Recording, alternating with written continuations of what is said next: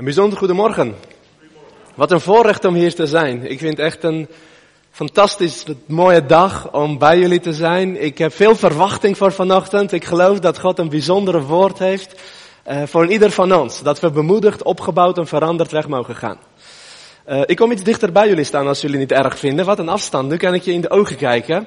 Hey, voordat ik uh, predik vertel ik vaak een verhaal. Dat vertel ik omdat ik wil laten weten waarom ik doe wat ik doe. Ik uh, reis door het land en ik uh, predik graag, maar dat is een beetje ontstaan na, na, nadat ik tijdens mijn werk iets meemaakte en ervoer dat God mij riep om dit te doen. En ik hou van actie en spanning. Zijn er nog meer mensen die van avontuur houden in het leven? Met je snelheid, ja, gelukkig, heel goed. Nou, ik ben echt zo'n adrenaline junk. Ik hou van snelheid, ik hou van actie, ik hou van avontuur. En zo had ik een keertje een, een bijbaan. Ik reed in een ambulance. Met, met, de, met de huisarts ook, naar mensen die dan uh, uh, onwel waren of als er, als er uh, ramp was of iets, iets was. En op een gegeven moment was ik in Utrecht op een rit naar een man die was onwel geworden. En wij komen daar aan met sirenes, weet je wel, tattoo, tattoo, vaccinelichtjes aan. En dan zie je al die auto's aan de kant gaan. En nou, dat, vind, dat, vind, dat vind ik fantastisch. Maar toen kwamen we aan bij die flat. En we belden via zo'n intercom, hij deed de deur open. Gingen we naar boven, stonden we voor zijn voordeur. En toen belden we opnieuw aan. Maar we horen hoe deze man omviel achter de deur en de deur niet meer open kon doen. Dit is best heftig. Dan sta je voor een gesloten deur in zo'n flat en uh, ja, dan, dan, kun je niks. En normaal gesproken moeten wij de stoere mannen van de politie of de brandweer bellen. Die komen dan eventueel de deur voor je forceren. Hè, want wij zijn de softe medici, wij, uh, wij kunnen dat niet. Maar ja, ik denk dat duurt veel te lang. Dus ik kijk naar mijn collega en ik zeg tegen hem, zal ik anders de deur intrappen? Hij kijkt mij zo aan, deed zijn handen in zijn zak, twee stappen naar achteren. En hij zei, is goed, ga je gang. En toen dacht ik eventjes, hoeveel allochtonen dromen er niet van om legaal een deur in te trappen. Dus mijn dag kon niet meer stuk. Hebben jullie wel eens Hollywood gekeken?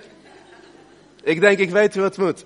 Dus ik neem een aanloop, ik ren naar voren, ik vlieg door de deur, ik trap keihard tegen de voordeur. Nou, ik stuit er net zo hard weer terug, weet je wel. Er gaat een enorme kabaal door de galerij. De buren die rennen allemaal naar buiten van wat gebeurt er. En wat ze zien is een allochtoon met een baard die de deur intrapt van de buurman. Dan heb je ook wat uit te leggen. Uh, maar na drie keer trappen brak de deur echt dwars door midden en wij stormden naar binnen om deze man te proberen te helpen. We belanden in een reanimatiesetting. En dat was het moment dat God tot me sprak en dat ik besefte dat achter heel veel deuren, achter heel veel muren, heel veel tralies, mensen liggen die geestelijke dood aan het gaan zijn. En ik besefte dat er haast bij is. Soms moeten we met sirenes op weg gaan naar plaatsen, naar mensen die de deur niet eens open kunnen doen vanwege de pijn en de teleurstellingen. Soms is het zoveel geworden dat ze geen hoop meer hebben. En dan vraagt het soms om lef. Dan vraagt het om vrouwen en mannen zoals jij en ik, die durven. Om daar waar nodig deuren in te trappen, daar waar nodig naar binnen te breken met het reddende woord van de Heere God. Want ik geloof dat dat het enige is dat redt. Het enige is wat hoop geeft omdat ik geloof dat de naam van Jezus de enige is waar we op kunnen beroepen. Waar we ons rust en ons herstel kunnen vinden.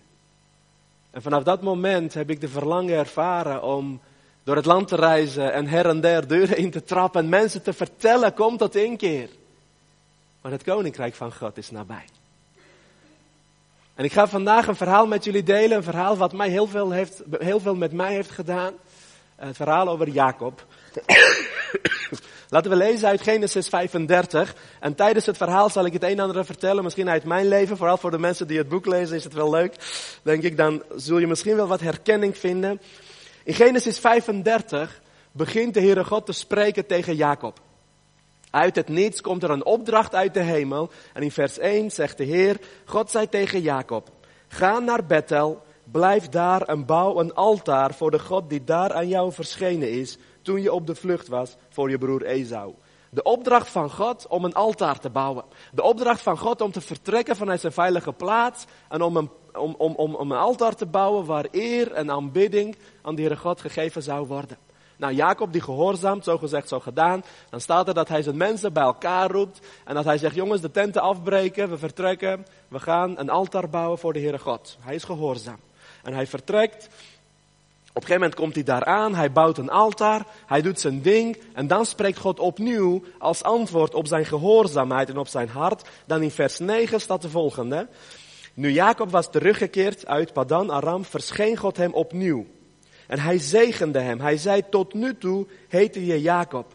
Die naam zul je niet langer dragen. Israël is je nieuwe naam. Zo gaf God hem de naam Israël. En hij vervolgde, ik ben God de ontzagwekkende. Wees vruchtbaar en word talrijk.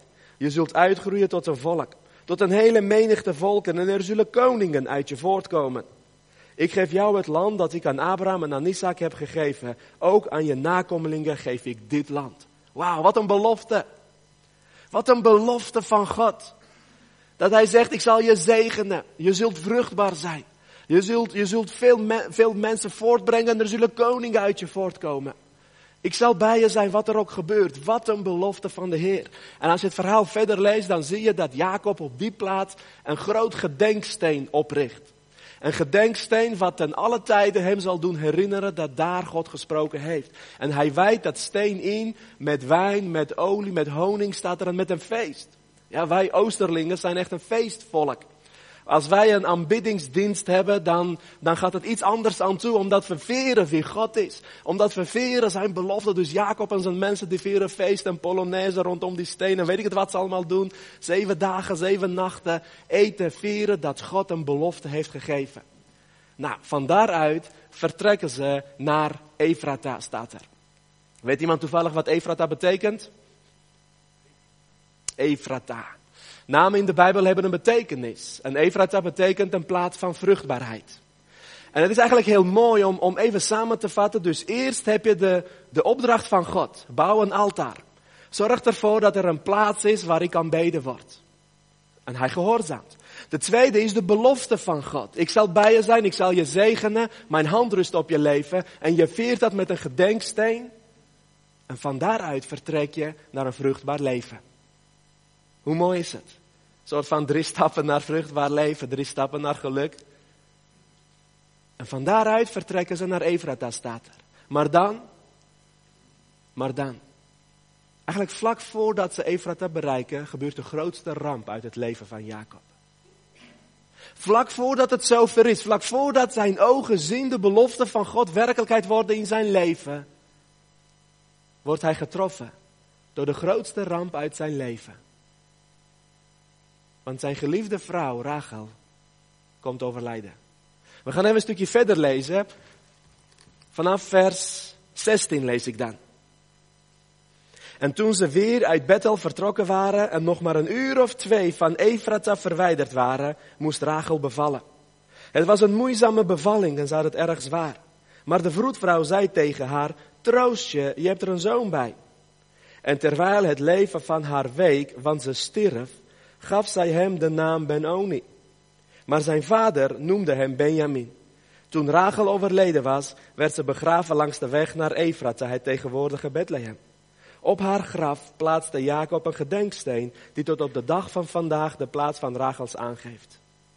Israël reisde verder en sloeg zijn tent op even voorbij Midgal Eder. Nog maar twee uur staat er verwijderd van Efrata. Nog maar twee uur verwijderd van plaats van bestemming. Ja, maar Heer, hoe kan dat? Ik ben toch gehoorzaam geweest? Ik ben toch trouw geweest? Ik heb toch een altaar gebouwd? Ik ben toch een man van u? Ja, maar Heer, hoe kan dat? Ik heb toch maar net uw belofte gehoord. Uw belofte dat ik vruchtbaar zou zijn. Uw belofte dat uw hand met me is. Uw belofte dat het goed zou gaan. Heer, hoe kan dat?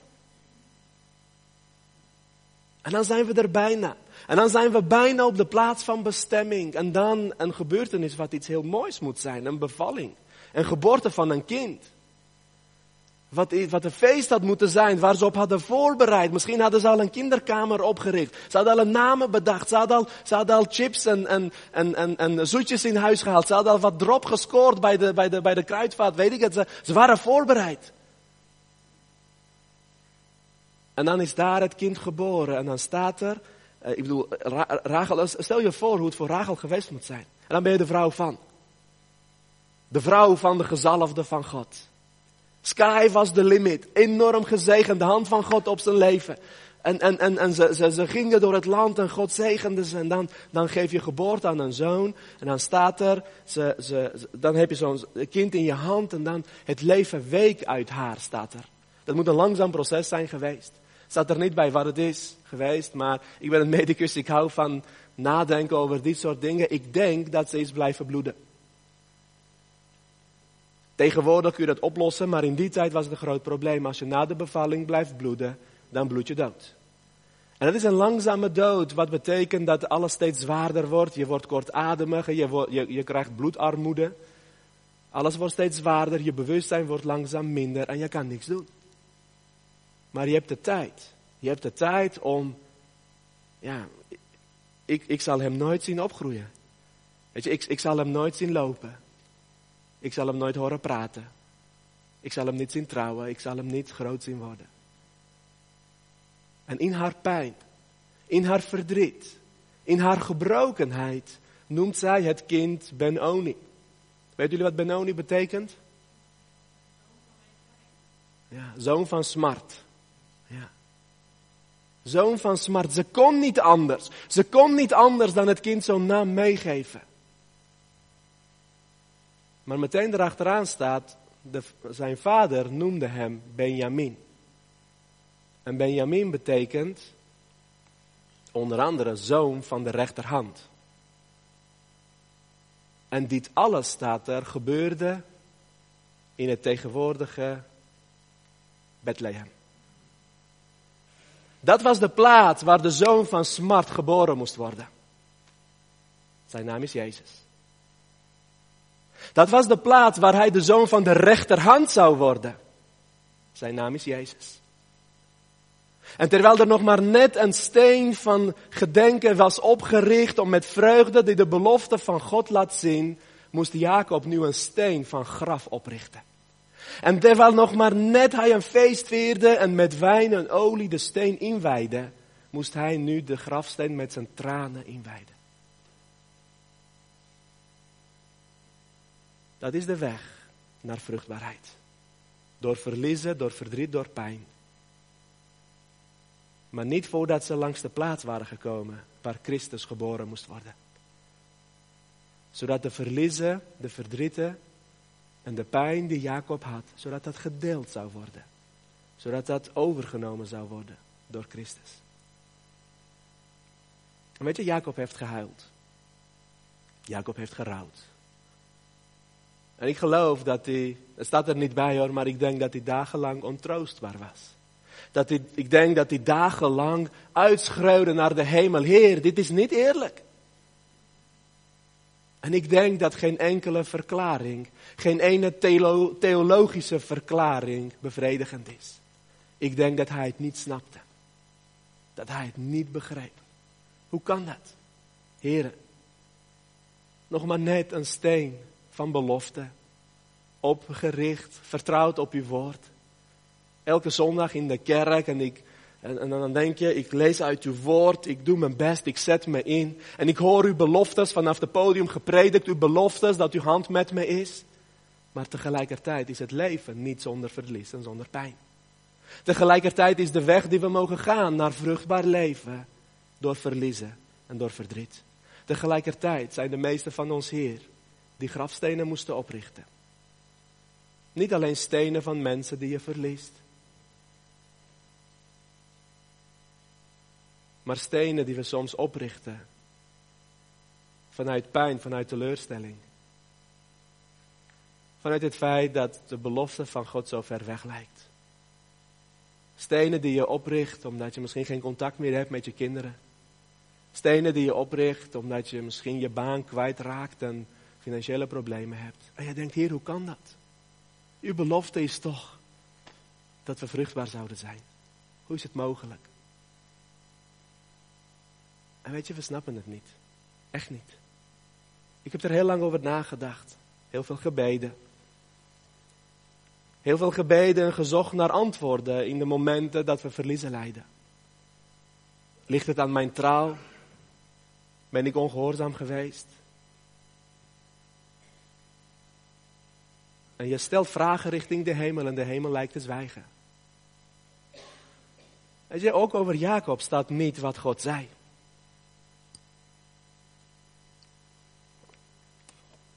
Ook over Jacob lezen we niet hoe de hemel reageerde.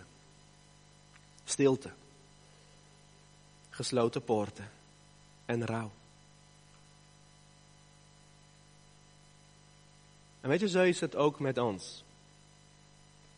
Ik ben hier om tegen jou te zeggen dat je geroepen bent om een vruchtbaar leven te leiden.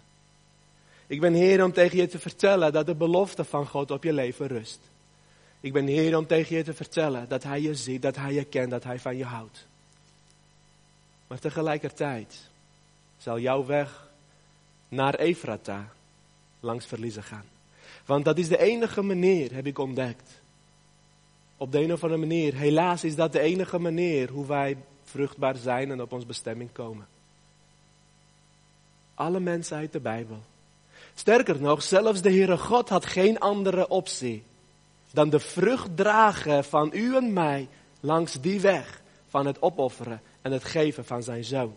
Zelfs de Heere God had bijna geen andere optie dan zijn leven afleggen, dan een grafsteen creëren, zodat jij en ik vandaag de dag zullen leven. De weg naar vruchtbaarheid gaat soms door verlies en verdriet. Het is soms zo dubbel. Weet je, toen wij naar Nederland kwamen en uh, hier de boel leerde kennen, kreeg ik echt een belofte van God. Een belofte wat soms heel ver weg leek. Een belofte waar ik op een gegeven moment helemaal in de war was en niks mee kon. Maar het begon eigenlijk heel simpel en ik lees heel even kort een alinea over hoe het allemaal begon. Toen we net in Nederland kwamen, we gingen op weg naar een opvanghuis van het leger des Heils. En bij de voordeur aangekomen was er een kort gesprek via de intercom tussen de barmhartige Samaritaan die ons op straat had gevonden en een mevrouw aan de andere kant van de lijn. Een rare, vreemde taal dat Nederlands. Hoe zou ik ooit die harde, scherpe keelklanken aanleren? Ik hoorde alleen medeklinkers en er leek geen enkele logica in te zitten. Na een dag spreken kreeg je vast keelpijn, zo dacht ik. Dat denk ik nog steeds hoor, maar goed, dat maakt niet uit. De intercom zweeg en onze tijdelijke gids draaide zich om. Er was geen plek meer vrij, zeker niet voor een compleet gezin. We zouden buiten moeten overnachten. En terwijl de motregen begon te vallen, kropen we dicht tegen elkaar aan. De eerste nacht in Nederland. Een plantsoen met een boom achter treinstation Den Bosch, onze eerste woonplaats. Later, toen de eindeloze rondgang langs de diverse aanmeldcentra, opvangcentra en AZC's begon, bleek het niet eens zo'n slechte keus. Weet je, helemaal blanco in een vreemd land. Daar op die plek keek ik naar boven, naar de sterren, voor zover ze waren, was een beetje miserig. En op een gegeven moment trokken de wolken weg en dan kwamen weer wolken. Klein jongetje droomde ik en ik vroeg me echt af of er een God was. Van huis uit meegekregen dat er een God moet zijn, maar zou die dichtbij zijn? Zou die, zou die een belofte voor mij hebben? Maar toen ervoer ik wel zeker zijn belofte dat zijn hand op mijn leven zou zijn dat ik vruchtbaar zou zijn. En ik begon te dromen, ik begon te dromen van het onmogelijke. Ik begon te dromen om iets van mijn leven te maken, om iets te worden of iemand te worden. Ik droomde eigenlijk om dokter te worden. Maar het ging vrij lastig omdat we uitgeprocedeerd raakten en acht jaar lang was ik op, ja, uitgezet. En elke dag werden we het land uitgezet. En aan de ene kant had je de belofte van God. Had je, de, had je de, de, de hand van de Heer in jouw leven. En ik zocht het op en ik ging naar de kerk. En ik hoorde over de God van wonderen. En ik dacht, Heer, help me. En dan kwam ik weer thuis en dan was er een brief van de IND dat we het land moesten verlaten. En ik begreep het niet. Aan de ene kant ervoer ik dat hij wilde dat ik zou worden. Waarvan ik droomde dat het zijn droom was. Maar tegelijkertijd leken alle deuren dicht te gaan. En ik begreep het niet. Het enige wat ik kon doen, is vertrouwen op zijn belofte. Weet je, soms, sommige dingen begrijpen we niet. En ik ben niet een prediker die alle antwoorden heeft. Ik heb meer vragen dan antwoorden. Maar soms moet je rouwen over situaties en verder gaan. Soms moet je even stil worden gezet, huilen. En dan zijn het tranen van bevrijding en weer verder gaan. En hoe benauwender onze situatie werd, hoe meer de hand van God ik begon te zien in mijn leven. En in die periode, terwijl ik een jongen was die uitgeprocedeerd was, die geen document had op zak, ik kon me niet eens legitimeren op straat, werd ik toegelaten om te gaan studeren. Dat was een wonder van God, dat kon eigenlijk niet. En in die periode groeide mijn invloed die de Heer mij gaf. En terwijl ik nog maar een aantal jaren geleden een jongetje was die niemand kende, die de taal niet sprak, werd ik steeds meer een man waarvan God had gezegd dat zijn hand op mijn leven was. En dat werd steeds zichtbaarder en zichtbaarder. En uiteindelijk ben ik mijn droom gaan leven. Totdat ik weer op momenten kwam dat hoe meer mijn bediening groeide, hoe, meer ik, hoe dichter ik bij Efrata kwam, hoe meer ik dacht, Heer, nu, sky is the limit. Ik heb zoveel mooie beloftes ervaren, zoveel dingen mee mogen maken. Vertrokken vanuit het niets, iemand geworden die vandaag de dag heel veel mensen mag bereiken, bemoedigen en toerusten. Hoe mooier het leek te werden, hoe dieper soms de val werd. En ik begreep het niet. Weet je, ja, dan, dan, dan heb je van die gebeurtenissen in je leven. Dat je grafstenen opricht. Dat je verlaten wordt door mensen die je trouw hebben beloofd. En nou, ik heb gejankt en ik heb gerouwd. Maanden uit mijn leven geweest dat ik niet onder mensen durfde te komen. Ik schaamde me, ik wist niet wat ik moest zeggen. Aan de ene kant zag ik mooie beloftes van de Heer en ik mocht op alle podia komen en ik mocht grote dingen doen en mensen dachten, oh wat geweldig, Gods hand is op je leven. Ik krijg dagelijks berichten van mensen die zeggen, joh, God werkt zo krachtig door je, het hou vol, ga door. Maar ondertussen zat ik te janken thuis, omdat ik niet begreep, Heere, hoe kan dat? Waarom die grafsteen in mijn leven?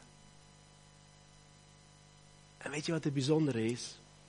Ik heb geen antwoorden gevonden. Het enige wat God zei, is dat is de weg naar Efrata.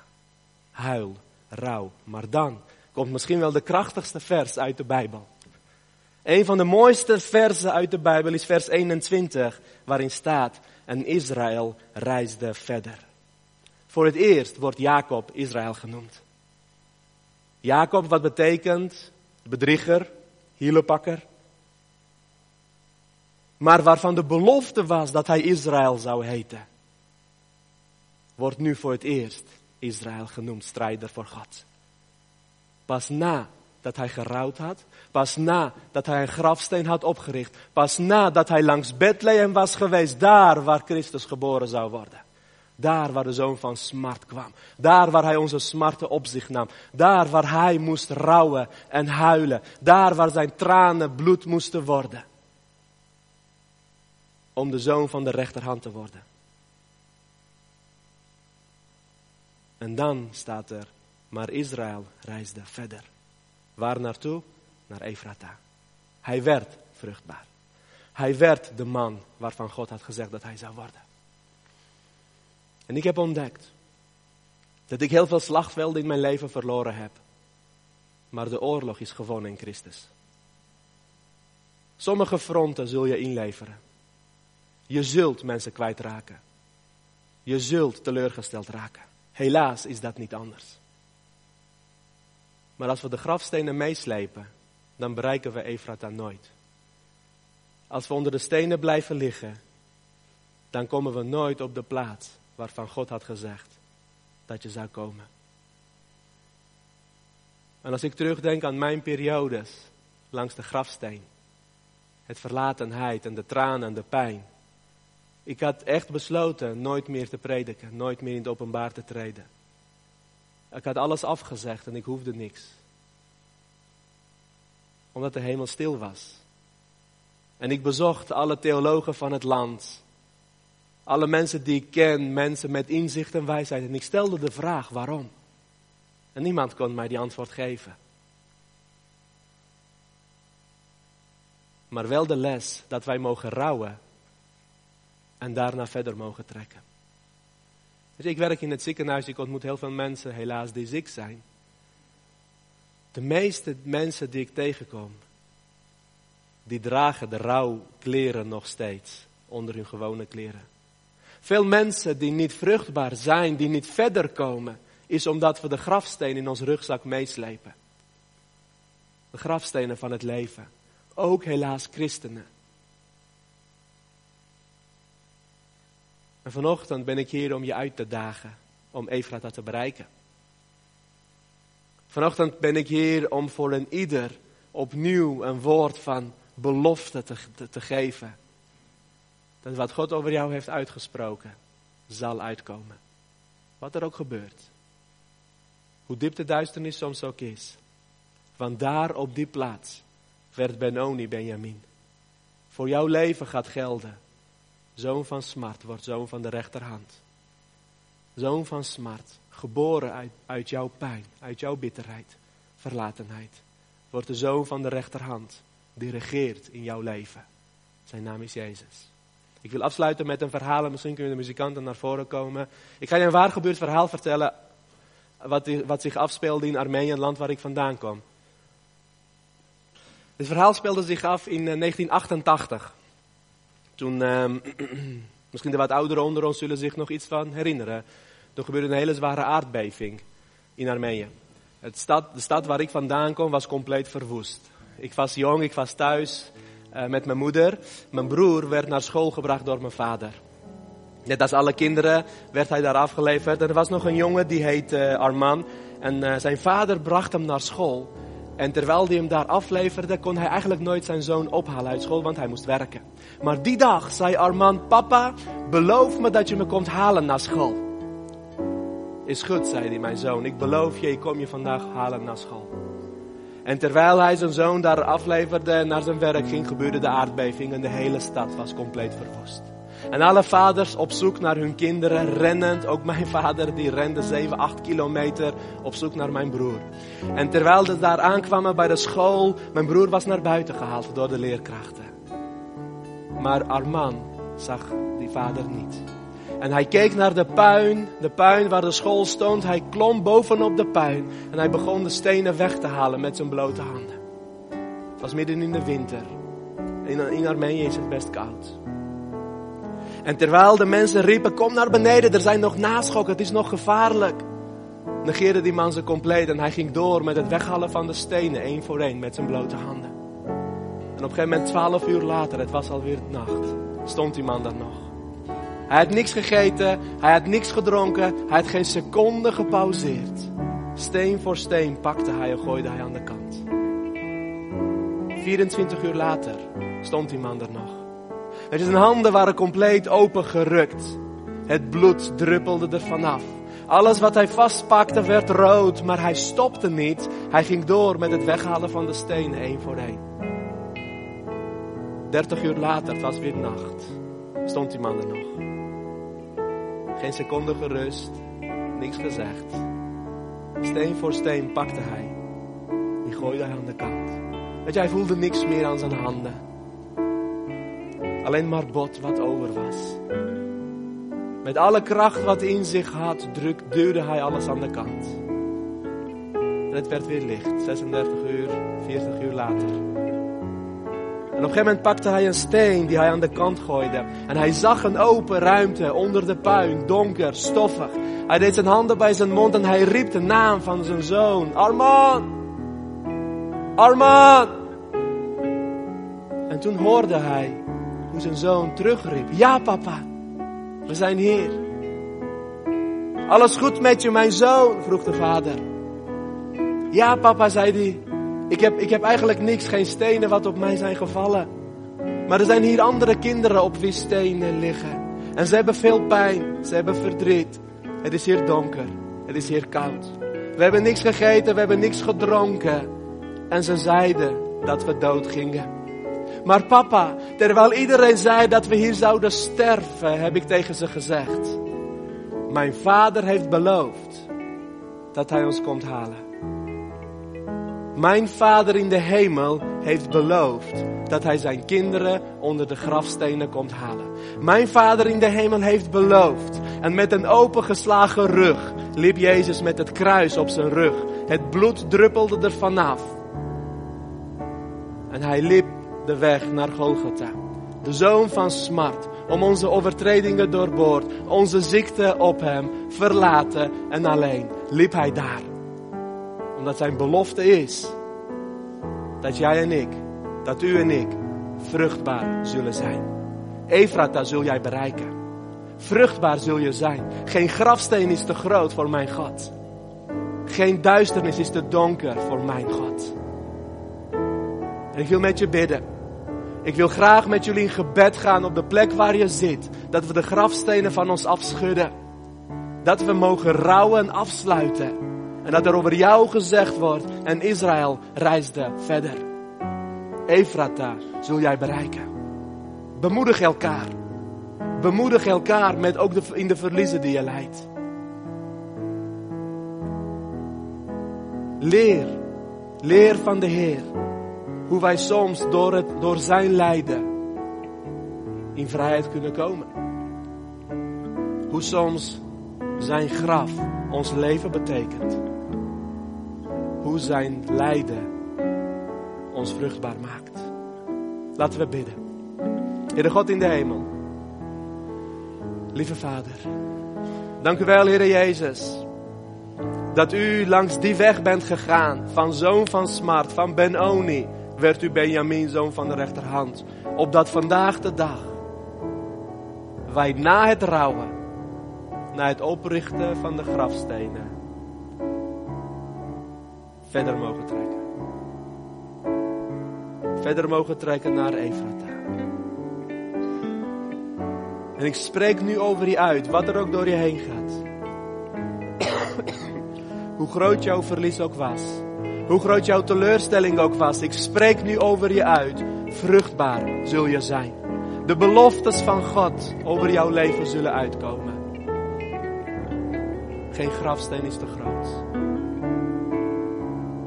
En ik wil je heel even de tijd geven om in je eigen gebed uit te schreeuwen naar de Heer. Misschien onder de puin. Weet je, misschien is dit verhaal uit mijn stad een verhaal voor jou. Misschien is er een aardbeving in je leven, waardoor alles is ingestort. Alles waar je in geloofde, waar ik ooit had. Alles waarvan ik uitging, waarvan ik droomde, stortte in.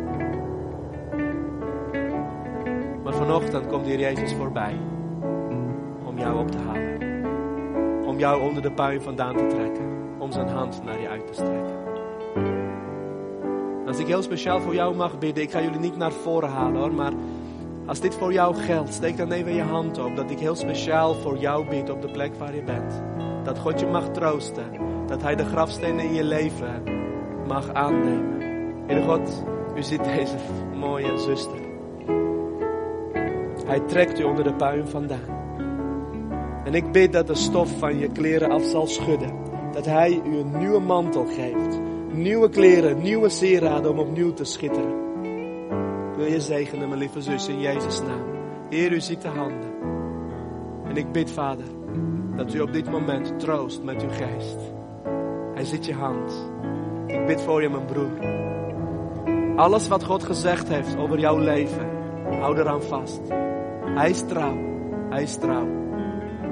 Laat je dromen niet varen. Laat je dromen niet varen. Blijf geloven, want Hij is trouw. Dank u wel, Heer Jezus, voor al deze mooie mensen. Dat u hun gebeden hoort. En dat u vandaag een nieuw begin geeft. En ik spreek over jullie allemaal uit. Efrata zul je bereiken. Vruchtbaar zul je zijn. Wees zo gezegend in Jezus' naam.